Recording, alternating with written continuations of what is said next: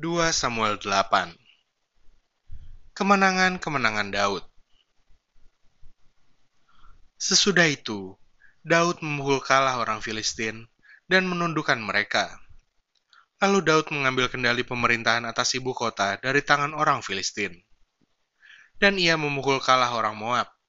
Lalu sambil menyuruh mereka berbaring di tanah, ia mengukur tempat mereka dengan tali.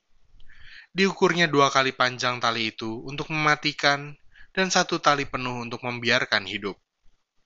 Maka orang Moab takluk kepada Daud dan harus mempersembahkan upeti.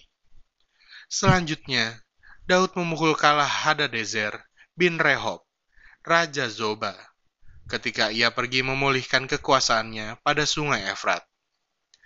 Daud menawan daripadanya 1.700 orang pasukan berkuda dan 20.000 orang pasukan berjalan kaki. Lalu Daud menyuruh memotong urat keting segala kuda kereta, tetapi dengan meninggalkan 100 ekor kuda kereta. Lalu orang Aram dari Damsyik datang menolong Hadadezer, Raja Zoba. Tetapi dari antara orang Aram itu, Daud menewaskan 22.000 orang. Kemudian Daud menempatkan pasukan-pasukan pendudukan di daerah orang Aram dari Damsyik. Orang Aram itu takluk kepada Daud dan harus mempersembahkan upeti. Tuhan memberi kemenangan kepada Daud ke mana pun ia pergi berperang. Sesudah itu, Daud mengangkut perisai-perisai emas yang dipakai oleh anak buah Hadadezer, lalu membawanya ke Yerusalem. Dan dari Betah dan dari Berotai, yaitu kota-kotanya Hadadezer, Raja Daud mengangkut amat banyak tembaga. Ketika didengar Tou, Raja Hamad, bahwa Daud telah memukul kalah seluruh tentara Hadadezer, maka Tou mengurus Yoram anaknya kepada Raja Daud untuk menyampaikan salam dan mengucapkan selamat kepadanya, karena ia telah berperang melawan Hadadezer dan memukul dia kalah. Sebab Hadadezer sering memerangi Tou, dan Yoram membawa barang-barang perak, emas, dan tembaga.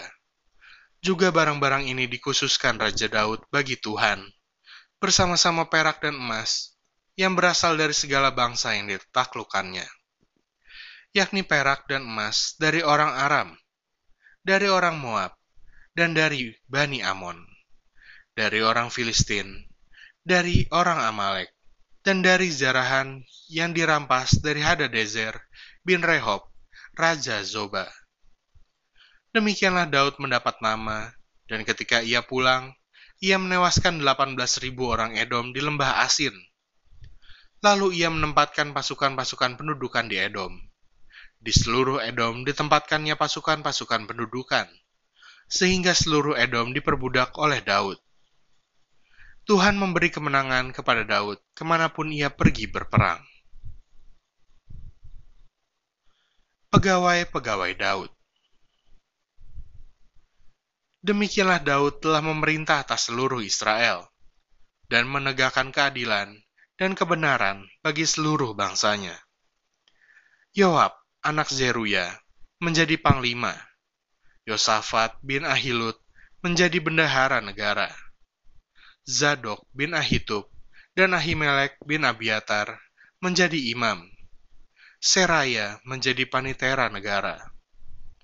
Benaya bin Yoyada menjadi panglima orang Kreti dan orang Peleti, dan anak-anak Daud menjadi imam.